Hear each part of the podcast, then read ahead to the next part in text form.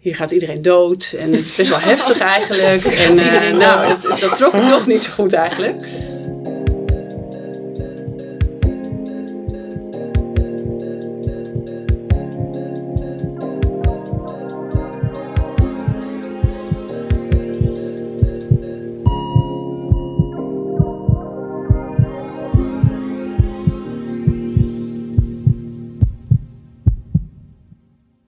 Welkom iedereen uh, bij de VSMS podcast.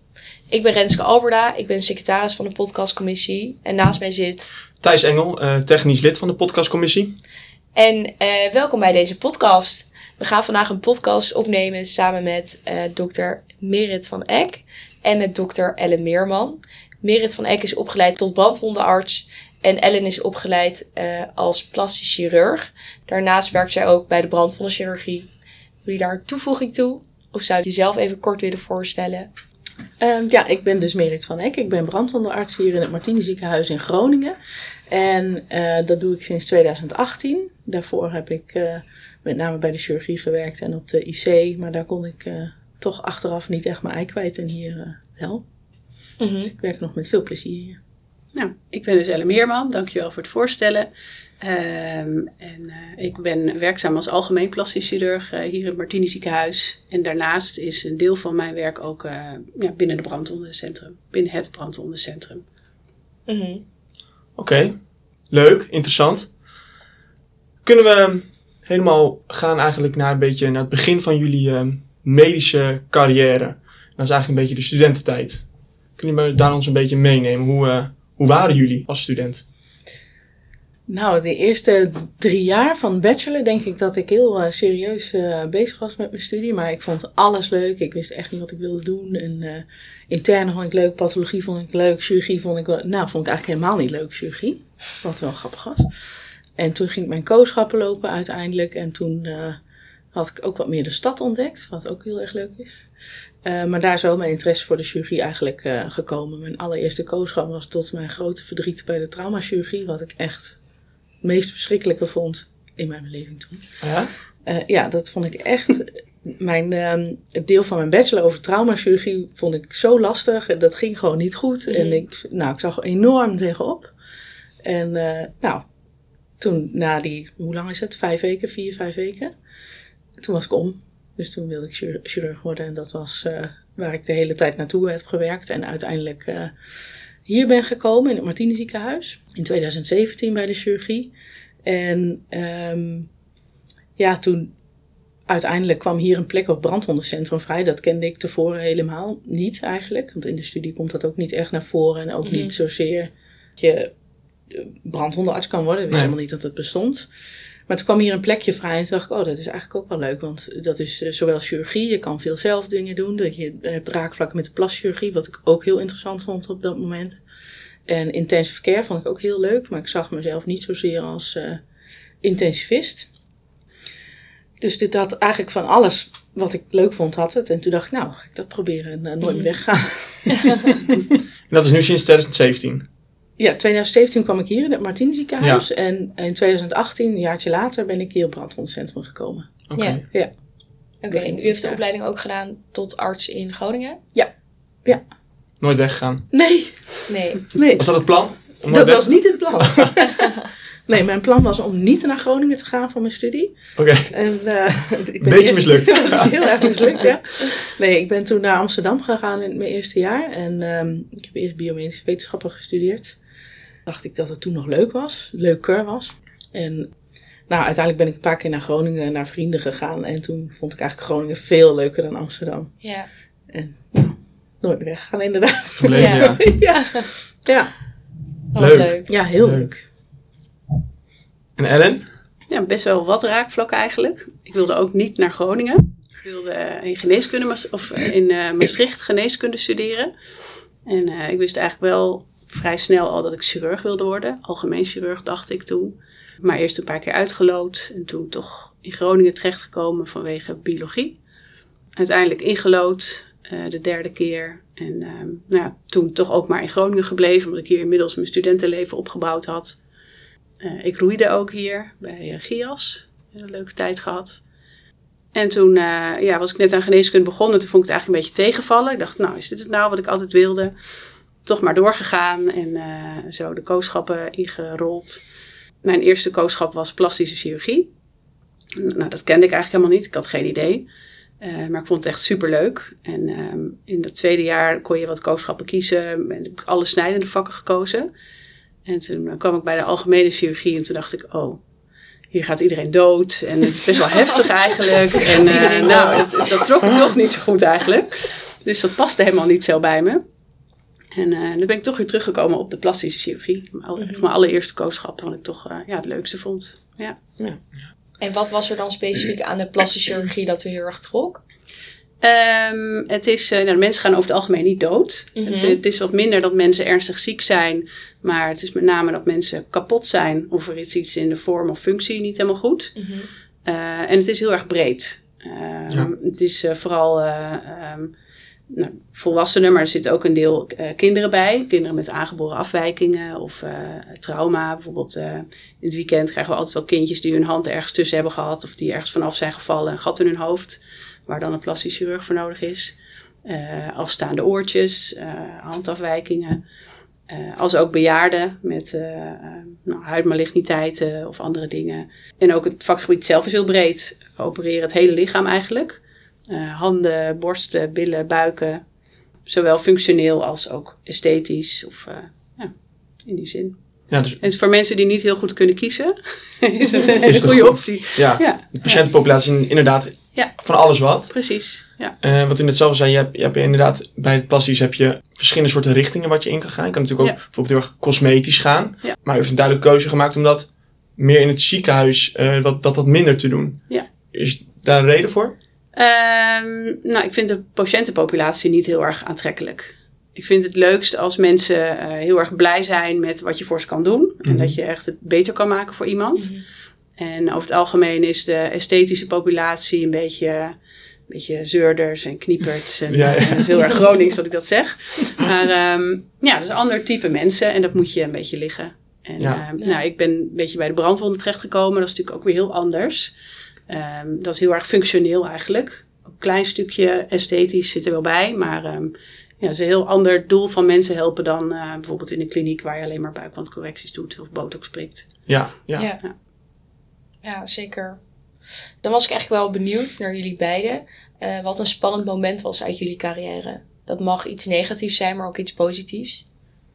Een beetje van beide, denk ik. Ik denk dat dat ook bij mijn, uh, um, mijn eerste baantje was. Dat was op de traumachirurgie, wat, maar, wat ik zo ellendig vond in het begin. Op dezelfde afdeling als mijn koopschap. Waar ik dus heel graag wilde werken. Um, dat, ik, dat er een patiënt was die was... Uh, best acuut benauwd. En dat vond ik echt zo spannend. Mm -hmm. En ik kon echt niet. Ik, ik, had natuurlijk de IC gebeld. Dat, ik dacht, die gaat dood waar ik bij sta. Dat is helemaal. Oh. En um, uiteindelijk kwam er natuurlijk een intensivist aanschokken in mijn beleving. En die zei: Nou, wat is hier aan de hand? En ik dacht alleen maar: Oh mijn god, die man, uh, patiënt hier gaat dood. Doe wat. Red deze patiënt. En toen zei hij: Wie is hier de zaalarts? nog even een overdracht. Nou, ik kon niet eens wat uitbrengen, geloof ik. Ik was zo. Uh... dus toen dacht ik: oké, okay, dit is het moment om uh, op de IC te gaan werken. dus dat heb ik toen maar gedaan. Mm -hmm. En uh, ik denk dat dat wel een grote stap voor mij was. Want ik vond het heel spannend om die acute momenten. ook op de traumaopvang bijvoorbeeld. Dat vond ik echt.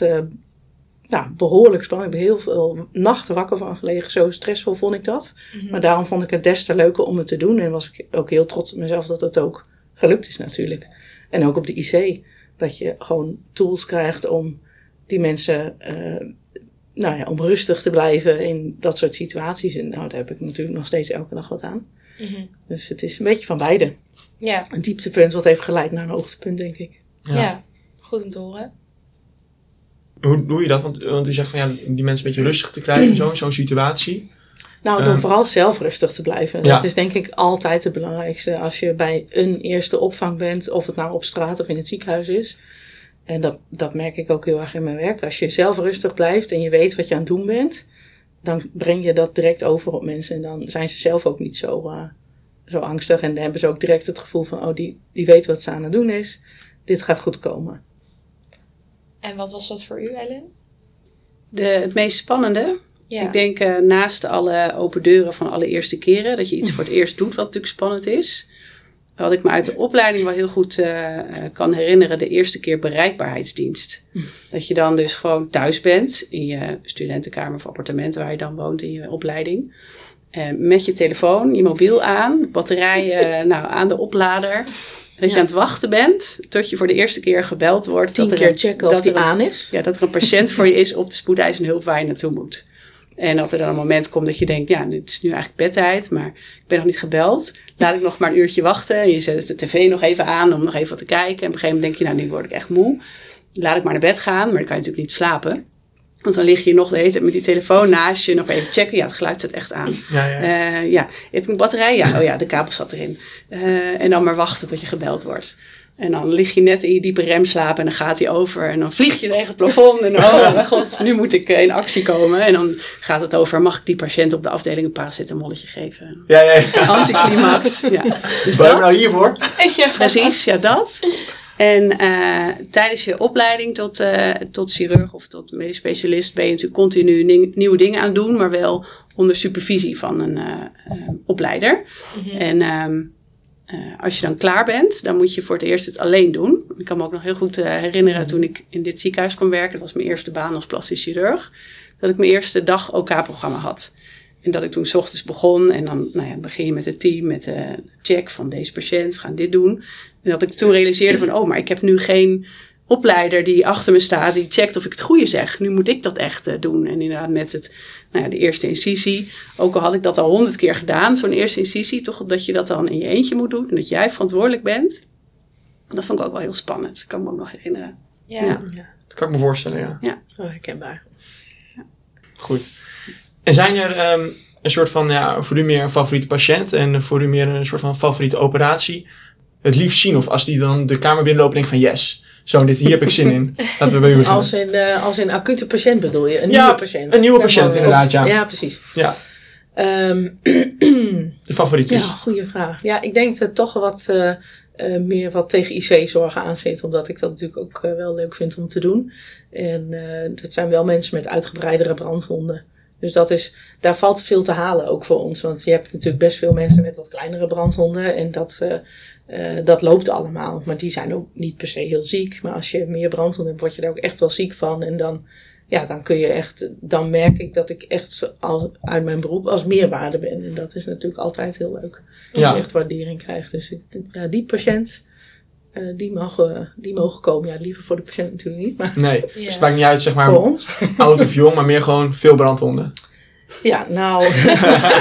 Ja, dat klinkt een beetje vervelend.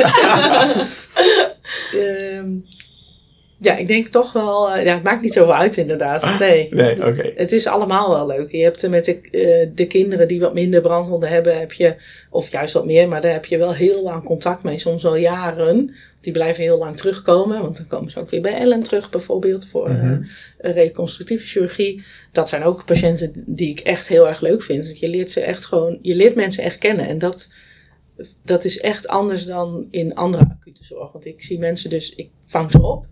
Ik behandel ze klinisch, ik behandel ze daarna polyklinisch en in de nazorg. Eh, reconstructies, eh, eh, dat doet Ellen of haar collega's dan. De operatie in de acute fase, die doe ik ook zelf. Of die doen we samen. Er is Ja. altijd wel eh, een plaschirurg of een traumachirurg bij. De kleinere dingen kan ik ook zelf. Dus dat is, ik doe eigenlijk alles. Ja, Dus dat is wel heel leuk. dus je bent eigenlijk brandwondenarts een van de specialisaties waar je bij een acute fase ook juist weer langdurig patiëntencontact hebt. Ja, precies. Ja, Ja. ja, Best wel uniek inderdaad. het is heel Ja. uniek. Ja, eigenlijk wel. ja, nou mooi. Ehm, en zou ik kunnen meenemen in een, in een typische werkweek? Ja, toevallig eh, werk ik parttime.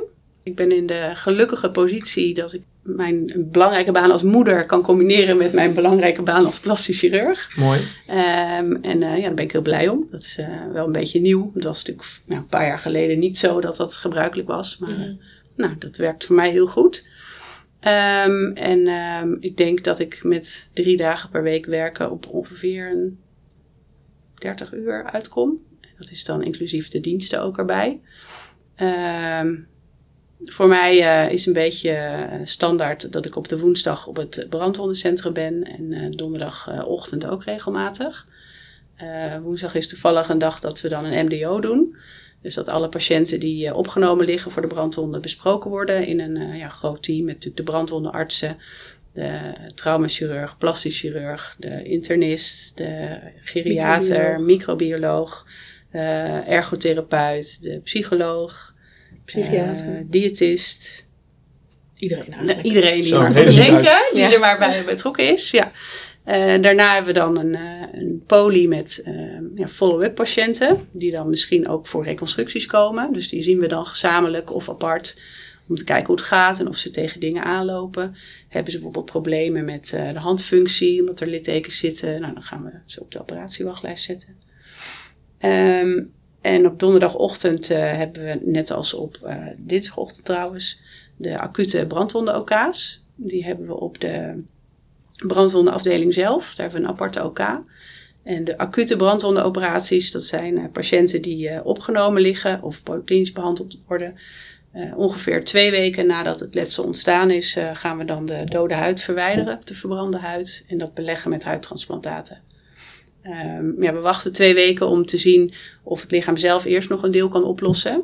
Afhankelijk van hoe diep de brandwond is, kan een deel vanzelf genezen. En alles wat eigenlijk overblijft na die twee weken, ja, dat is te diep om zelf te genezen. Dat gaan we dan opereren. Nou, die operaties die zijn dus op dinsdag en donderdagochtend. En uh, ja, verder bestaat mijn werkweek nog uit af en toe een dagdeel poli doen. Gewoon algemene plastische patiënten. Af en toe een hele dag op de OK. Af en toe polyklinische verrichtingen. En dan uh, nou, regelmatig nog bereikbaarheidsdiensten bij. Mm -hmm. ja. En hoe gaan de bereikbaarheidsdiensten nu? Iets minder gestrest? Ja hoor. ja, het is heel wisselend. Gemiddeld genomen uh, in een dienst heb je één belletje, moet je één keer heen, om maar zo te zeggen. En soms een keer niet. Maar het gebeurt me nu ook af en toe dat ik dan s ochtends wakker word en dan denk: hé, hey, oh ja, ik had dienst. En dan gewoon heerlijk even slapen. Ja. Wel je telefoon aan had? ja, ja, meestal wel. Wel nee, opgeladen. Niet, nee. Wel opgeladen. Ja, ja. nou, dat scheelt in ieder geval. Oké. Okay. Um, ehm, ik denk dat het nu handig is om meer specifiek over brandwonden zelf te gaan praten. Ja, en dan willen we eigenlijk um, beginnen met een luisteraarsvraag. Wat bepaalt eigenlijk of iemand naar een regulier ziekenhuis gaat of naar een brandwondencentrum? Ja, dat is een goede vraag. Er zijn uh, verwijscriteria voor. Dus uh, als je dat zou, zou googlen, verwijscriteria brandwondencentrum, dan krijg je, uh, volgens mij zijn het er ongeveer tien, zo even uit mijn hoofd. En dat zijn eigenlijk een soort richtlijnen met als je zo'n patiënt hebt met een van die dingen, is dat een reden om in ieder geval te overleggen met een brandwondencentrum en mhm. anders uh, door te verwijzen. Bijvoorbeeld uh, brandwonden bij volwassenen meer dan uh, 10%, bij kinderen meer dan 5% uh, brandwonden in een uh, functioneel gebied. Uh, gezicht, handen, gewrichten eigenlijk. Genitaal gebied is ook een functioneel gebied. Als je ook nog bijkomend letsel hebt, bijvoorbeeld breuken, als je ook een, echt een ongeval hebt gehad. Als je denkt aan een toegebracht letsel, dat zijn allemaal redenen om naar een brandwondencentrum echt te gaan. En alles wat daar niet onder valt, kan of bij de huisarts of in een ander ziekenhuis behandeld worden. Maar omdat, wat Ellen net ook al zei, Nederland is vrij klein en dicht bevolkt. Je bent snel in een brandwondencentrum. Er zijn er drie in Nederland. In Rotterdam en Beverwijk ook nog. Dus je bent ook eh, dichtbij eigenlijk. Ze bellen heel vaak gewoon met ons om te overleggen. En dan, doen we ook gewoon samen wat. Ja. ja. Of ze komen alsnog, de mensen. En betekent dat dat alle patiënten ook acuut eigenlijk hier worden opgenomen? Meestal wel. Ja. ja.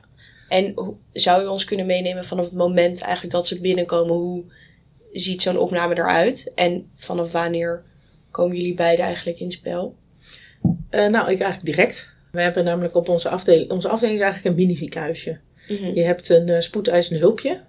Hebben we daar, is gewoon een opnamekamer eigenlijk. En het personeel is dan, uh, die doet de opvang. Ik en de verpleegkundige en eventueel de intensivist erbij. En eventueel de longarts als er ook nog sprake is van dat iemand rook heeft ingeademd bijvoorbeeld of hitte. Ze gaan dus niet naar de gewone spoedeisende nee, okay, Direct vanuit de ambulance naar het brandwondencentrum. Ja. ja, en dat zie je dus ook op de derde verdieping waar we nu ook zijn.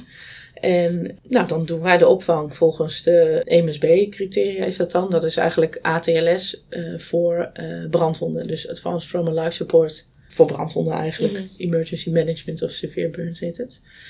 En eh, die doe ik ook zelf. En dan vervolgens gaat de patiënt eh, of naar huis of naar de afdeling als ze worden opgenomen. En eh, wat ik net ook al zei, ze blijven meestal een paar weken bij ons. Omdat als je een reden hebt om opgenomen te zijn voor de hoeveelheid brandwonden bijvoorbeeld, dan zal dat niet ehm, in stapjes genezen. Het is wel een, meestal heb je tweede graads brandwonden of een deel wat dieper of een deel wat, wat minder diep. Maar je hebt altijd dat het ineens geneest. Mhm. En dat duurt ongeveer twee weken. En dan zie je dus ook wat er overblijft als het niet vanzelf geneest. En dat is ook de reden dat we dat ongeveer na twee weken meestal opereren. Want als je daar dan voor een aanmerking komt, duurt de opname wel wat langer. Ja, Ja. Dan opereer je nog, eh, doen we een huidtransplantaat. En ehm, dat doe ik dus samen met eh, een chirurg, trauma-chirurg of plastisch chirurg. Of mijn collega natuurlijk, ik ben er ook niet altijd. En ehm, dan halen ze inderdaad de dode huid weg. En dan plaatsen we daar een huidtransplantaat van iemand zelf. Het kan alleen maar van je eigen huid. Dus je moet een stuk gezonde huid hebben die je kan gebruiken. En, en na ongeveer vijf dagen zie je het resultaat van die operatie. Mhm.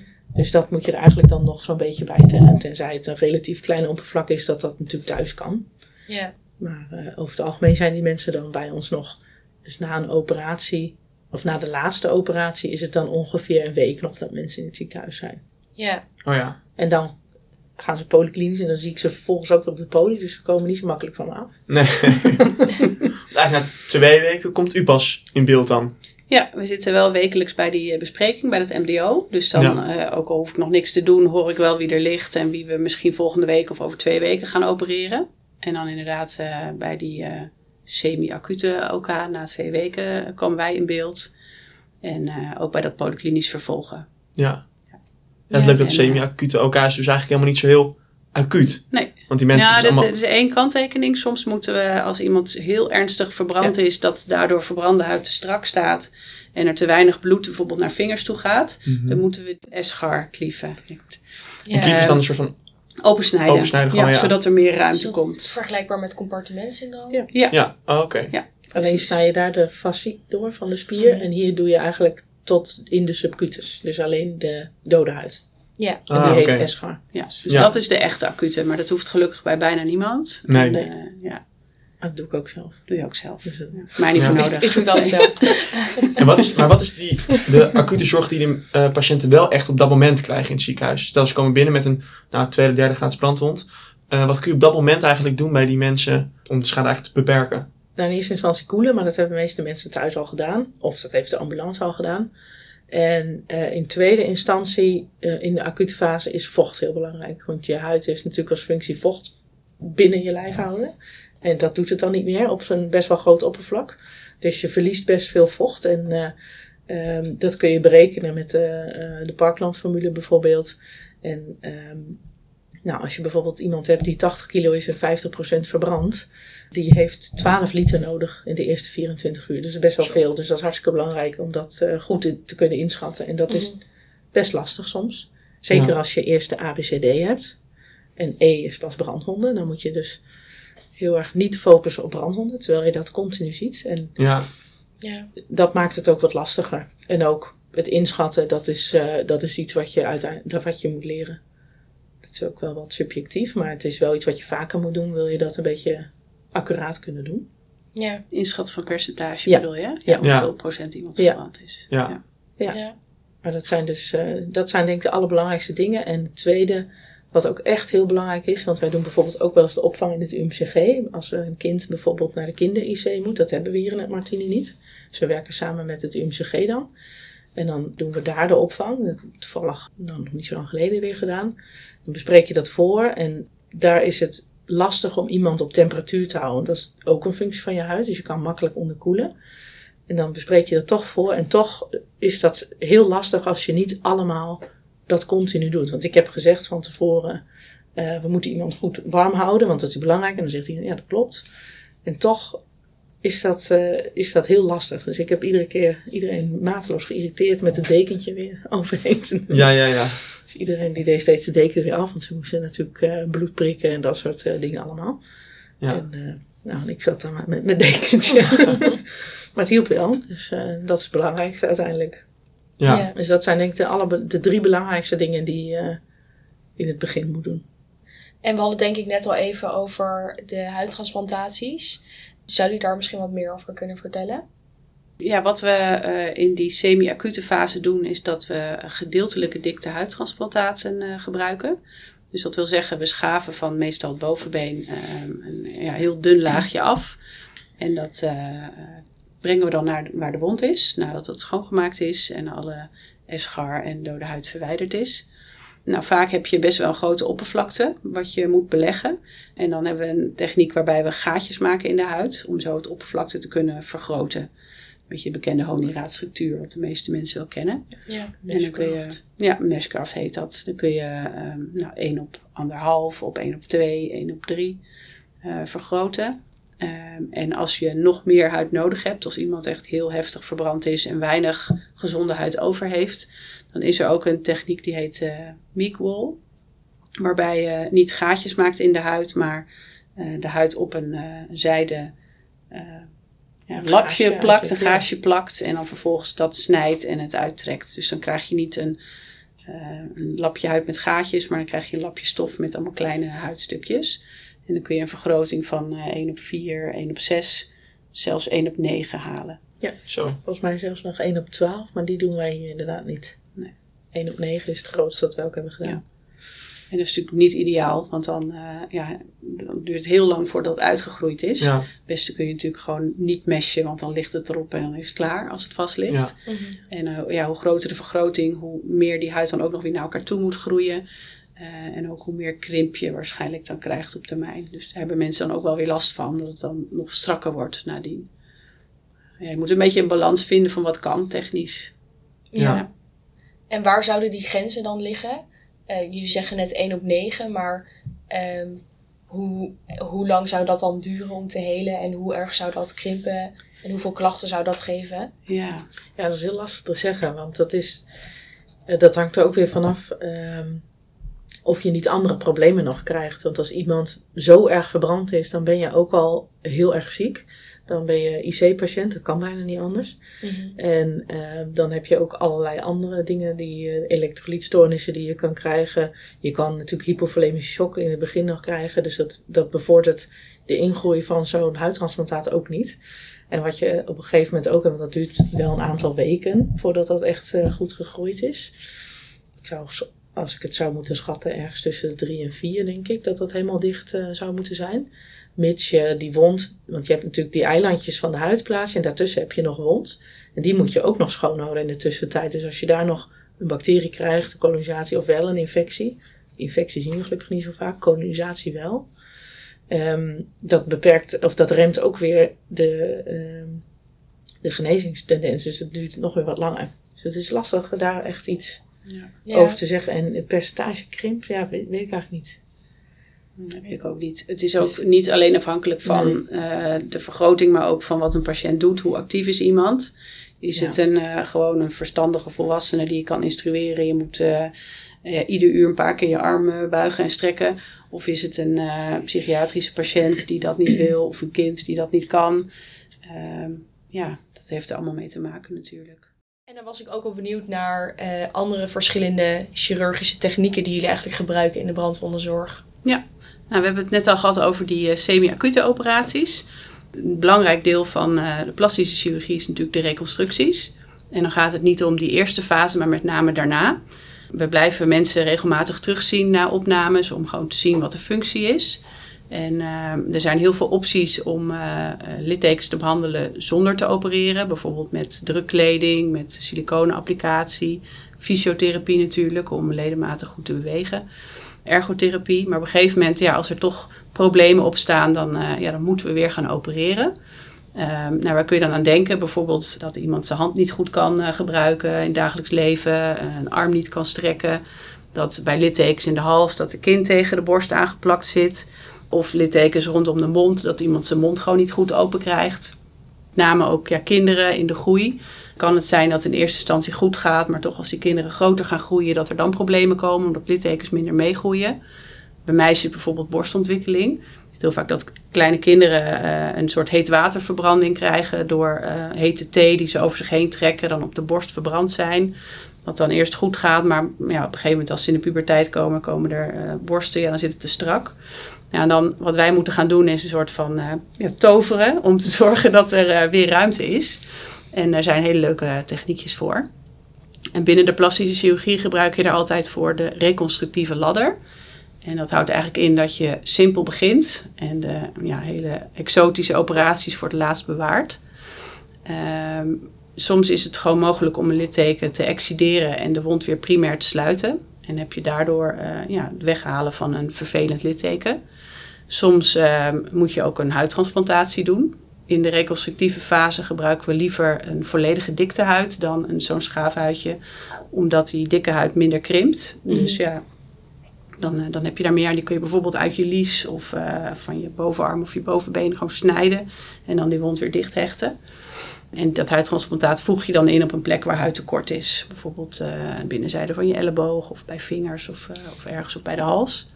Je kan ook uh, een huidverplaatsing doen, weefseltranspositie. Dus dat je huid ten opzichte van elkaar gaat verplaatsen. Een voorbeeld daarvan is de Z-plastiek. Ik weet niet of jullie er wel eens van gehoord hebben. Nee. Nou, moet je maar eens googlen, Z-plastiek. krijg je leuke plaatjes. Of bijvoorbeeld de Jumping Man of Dancing Man techniek. Nou, dat zijn allemaal techniekjes, uh, ik kan er ook al heel lang over vertellen, maar moet je maar eens gewoon opzoeken. Ja, om te zorgen dat je weefsel vanuit de buurt uh, omdraait om meer ruimte te krijgen. Nou, en dan uh, hoe verder je op die ladder naar boven klimt, kom je bij de ingewikkelde operaties, zoals een vrije lab bijvoorbeeld, of een gesteelde lab. In het geval van een, een, bedekking op de handrug kun je een een uh, lap vanaf de onderarm nemen, die je met een bloedvat vrij prepareert en die je omklapt naar de handrug. Nou, of je kan zelfs een, een vrije uh, gebruiken, een huidspierlap die je ergens anders aansluit, om zo een bedekking te krijgen op een uh, gedeelte waar je bedekking mist of waar het tekort is. En nou, dat zijn operaties die je vaak pas na een jaar nadat het litteken ontstaan is gaat plannen, omdat je toch eerst die constructieve opties kans wil geven ja, brandwondenpatiënten die blijven voor de rest van hun leven eigenlijk brandwondenpatiënt. Omdat die littekens, ja, die gaan nooit meer weg. Die blijven ze houden. En je wil ze natuurlijk niet te vaak opereren. Je kan natuurlijk uh, alle kleine dingen willen doen. Zodat ze elke drie maanden weer op je operatietafel liggen. En dan weer dit en dan weer dat. Maar je wil dat liefst zo beperkt mogelijk houden. Zeker ook voor kinderen. Dat ze niet, uh, nou, niet elk jaar geopereerd worden. Maar alleen als het echt nodig is. Mm-hmm. En dan uh, ja, is het voor ons zoeken naar een optie met een zo goed mogelijk resultaat. Met zo weinig mogelijk nevenschade. Ja. Stellen jullie dan ook een maximum aan hoe vaak jullie iemand opereren? Nou, dat in principe niet. Maar je moet wel altijd, vind ik, en zeker weten dat je iets toe kan voegen. En ja. niet opereren om maar te opereren, omdat er dan brood op de plank komt voor mij. Maar je moet echt iemand iets kunnen bieden. Want het is natuurlijk wel ook een hele investering ja, ze hebben wel eens volwassenen met een eigen bedrijf. Uh, timmerman bewijs van, ja, die moet dan uh, rondom zijn operatie, kan hij toch zes weken niet werken. Dus dan moet hij weer uh, daarvoor wat regelen. En dan wil ik niet ehm, zomaar even iets uitproberen. Dan wil ik wel zeker weten dat ik hem iets kan bieden. Dat, ja. hij, ja, dat hij ermee opschiet, zeg maar. En wat zouden dan technieken zijn die, waarvan u specifiek weet dat het altijd lukt? Of heeft iedere techniek eigenlijk... Er zijn altijd uh, kansen op complicaties natuurlijk. Ja. Um, en dat is um, ja, sowieso altijd zo binnen de chirurgie. Mm -hmm. En met name die reconstructies... Uh, ja, dat is wel lastig soms om in te schatten. Omdat verlittekende huid ook weer anders reageert dan gezonde doorbloede huid. Ja, dus soms ben je ook aan het opereren en heb je van tevoren bedacht... nou, ik ga hier een zetplastiek doen. Ik ga de bestaande huid ga ik omklappen. En dan ben je aan het snijden en denk je, ja, dit levert me eigenlijk helemaal niet genoeg op. Ik krijg die arm nog niet recht. Ik moet alsnog een huidtransplantaat toevoegen. Ja. En dan doe je dat. Dus het wordt ook veel gecombineerd, die technieken ja. met de transplantaten. Ja. ja. ja. En spreken jullie dan ook van tevoren af? Van stel het lukt niet, zou ik dan een stukje uit uw lies mogen snijden? Of ja, idealiter wel. En in de praktijk uh, ja, is het soms toch net anders. Maar het is wel belangrijk om de patiënt daar zo goed mogelijk over voor te lichten. Ja. En ook dat je weet wat een patiënt absoluut uh, wel en niet zou willen in die situatie. Ja. Ja. En dan uh, denk denk dat we ook nog wel benieuwd waren naar uh, eigenlijk de al, meer algemene brandwondenverzorging. Naar hoe dat eigenlijk werkt. Ik denk dat weinig mensen er heel erg een idee van hebben. Ik, iedereen weet natuurlijk dat je moet koelen. Mm-hmm. Maar voor mijzelf houdt best wel de kennis daarbij op. Dus ik was wel benieuwd wat jullie ons daarover konden uitleggen. Ja, ik kan er nog wel uren over praten natuurlijk. maar inderdaad, koelen.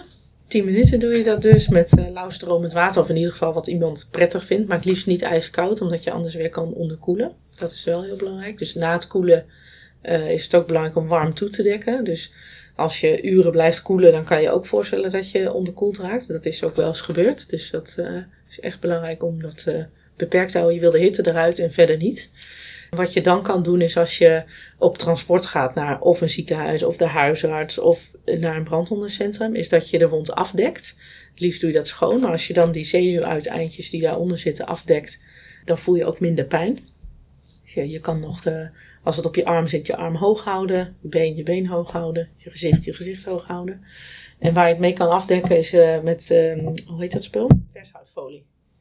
Wat je gewoon in de keukenla uh, houdt. Het is okay. het meest makkelijke om te doen. Niet te strak, want het zwelt allemaal nog een beetje op. Maar als je dat losjes eroverheen legt, dat is altijd uh, schoon. En ja. uh, dan smeer je ook niks op een wond. En dan kun je het als specialist gewoon goed beoordelen.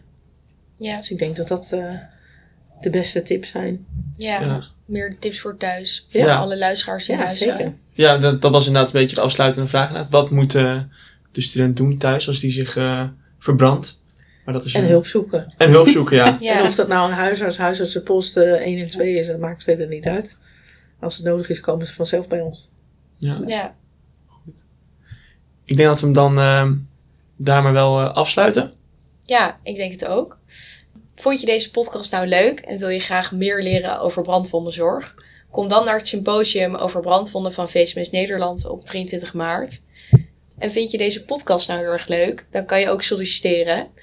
We hebben, hebben namelijk de sollicitaties openstaan voor de podcastcommissie tot 7 april, 1 voor 12 s'nachts. Vrijdag 7 april. Voor meer informatie kan je kijken op de website van VSMS Nederland en op de Instagram, VSMS Podcast. Ja, nou, dan wil ik jullie graag hartelijk bedanken dat we hier konden zitten in het Martini ziekenhuis, dat jullie de avond vrij wilden houden. Heel graag gedaan.